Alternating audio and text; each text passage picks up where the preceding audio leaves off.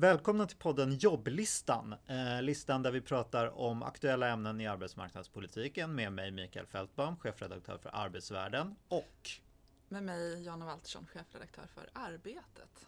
Idag ska vi prata om fyra grejer som sig bör. Vi ska mm. prata om eh, den kärleken som spirar till EU i smyg. Den långa vägen till Arbetsförmedlingen och eh, ett avslöjande om eh, privata jobbförmedlare.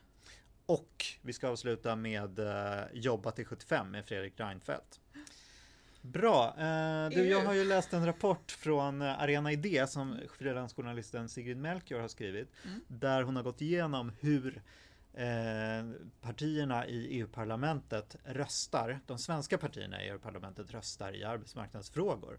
Och de slutsatser man kan dra av det där eh, tycker jag är att den här skepsisen som initialt finns och som man proklamerar gentemot EU, att EU ska inte lägga sig i arbetsmarknadspolitik och eh, vi ska hålla dem liksom på armlängds avstånd. Den gäller inte när man ser på partierna har röstat. För mm. även partier som Moderaterna och Kristdemokraterna röstar för ny minimireglering inom EU, till mm. exempel mm. mot cancerogena ämnen på arbetsplatser. Mm. Uh, och det är bara värt att notera tycker jag mm, att mm. de här principerna om att hålla EU på avstånd gäller inte när man tycker att förslagen är bra. Enda partiet som upprätthåller den här principen det är egentligen Sverigedemokraterna som mm, är av principiella skäl, skäl anti-EU mm, i alla mm. sammanhang. Även om man nu har sagt att man inte, att man inte är det. Men det är man ju i, i realiteten. Mm. Eh, det är intressant, den fria rörligheten är ju mer en vänster-höger-fråga. Där vill ju vänsterpartierna eh, inskränka den till förmån för sociala rättigheter. Det vill inte eh, allianspartierna. Men återigen så handlar det egentligen inte om vad att EU ska lägga sig i eller inte mm. då, utan om vad man tycker är bra sakpolitiska mm, mm, förslag. Mm. Ofta. Just det, ja, men för det där tycker jag är jätteintressant egentligen. För det är ju svårt. Det är svårt för liksom en vanlig medborgare att fatta vad, vad handlar EU om egentligen.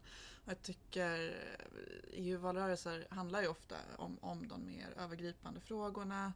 Eh, ska EU lägga sig i eller inte lägga sig i? Medan det i praktiken ju är väldigt konkreta frågor som ju kommer påverka människors liv, vilka arbetsvillkor vi har, eh, vilka mm, liksom miljö, miljölagstiftning ser ut.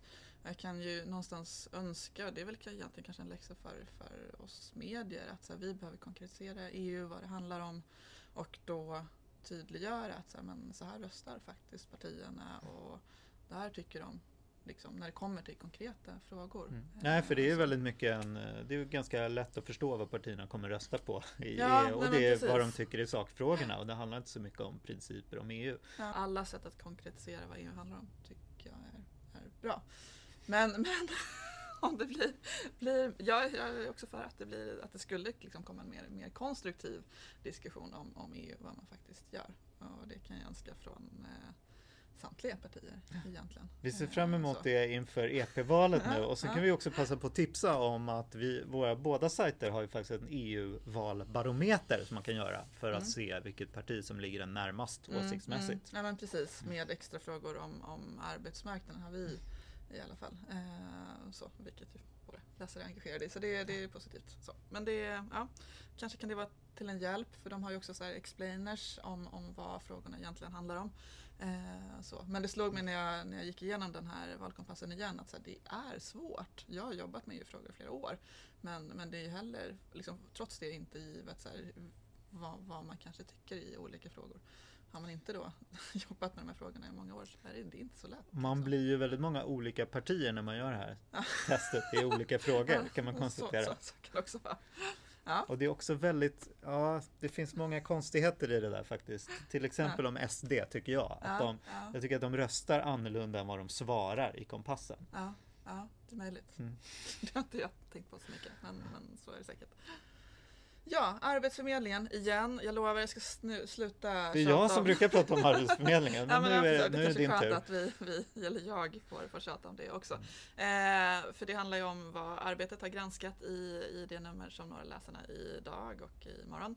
Eh, och det är den långa vägen till, till Arbetsförmedlingen. Vi har tittat på hur mycket, bli, hur mycket längre blir restiden eh, efter att lokalkontoren har, har lagt ner.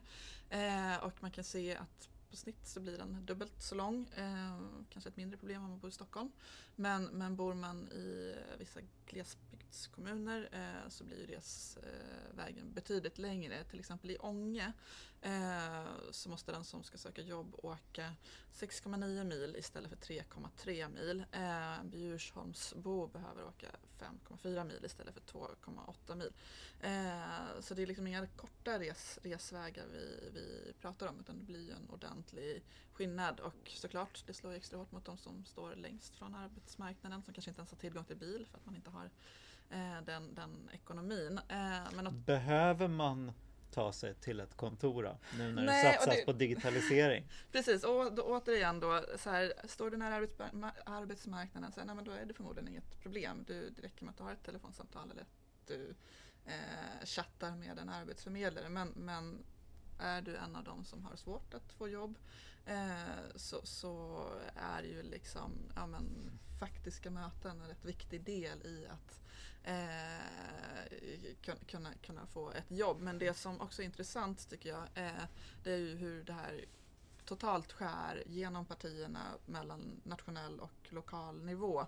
Eh, och apropå det här måste man faktiskt träffa någon. Då har vi pratat med en moderatpolitiker som heter Kristina Lidström eh, och och eh, hon är verksam i Bjursholm. Och hon eh, lyfter just det här med att ja, men här har vi en väldigt välfungerande arbetsförmedling. Vi har en arbetsförmedlare som verkligen har koll på den lokala arbetsmarknaden eh, och som ju har ett bra nätverk och som då verkligen kan, kan hjälpa arbetssökande till jobb. Det monterar man ju ner nu så att hon är ju frustrerad på, på det som nu händer och då är det ändå Moderaternas budget som, som det här ju bygger på. Samma sak har vi pratat med ett kommunalråd eh, i Övertorneå som heter eh, Thomas Mörtberg, centerpartist, som också är på, i konflikt med sin partiledning eh, och eh, eh, kritiserar dem för här, utspel som att eh, Arbetsförmedlingens generaldirektör borde, borde avgå. Eh, vilket han ju tycker är ganska löjligt när man å ena sidan då så här, drar bort pengarna och eh, sen säger de att han inte utför sitt jobb. Men ja, vad, vad ska han göra liksom? Eh. Domen, jag tänker att domen kommer falla ganska hård över Centerpartiet. Eh, över det här att man gör en rasering av Arbetsförmedlingen som vi känner den. Och låtsas som att den här privatiseringen som ska ske är liksom någon sorts, har sina förebilder i Australien och Storbritannien. Mm.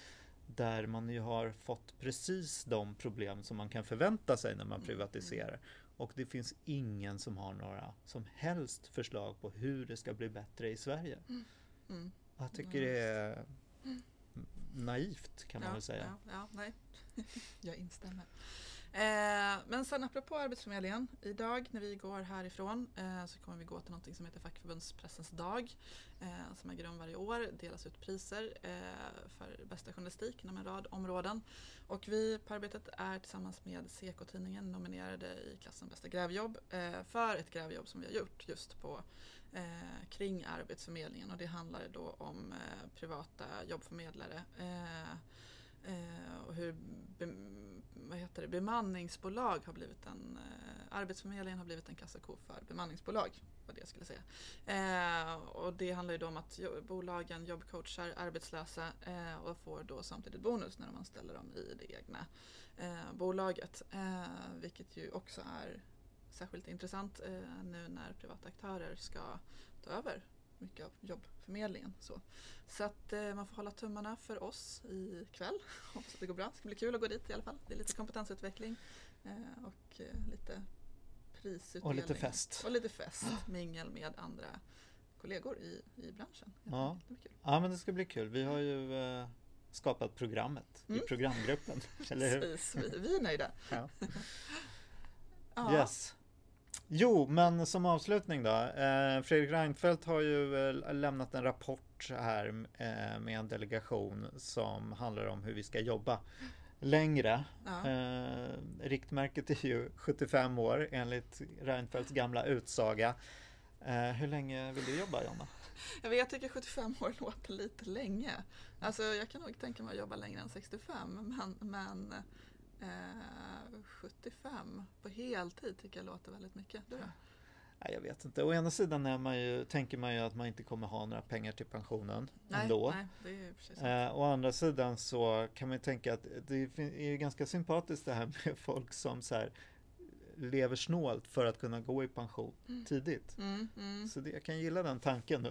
Ja men då kör vi på med den här podden då. Tills, Ja, tills vi, tills vi 70 trillar av pinn. Ja, härligt. Ser fram emot. Bra! Eh, tack för idag hörni. Vi är tillbaka om sisådär två veckor. Ja. Ja. Yes. Adjö.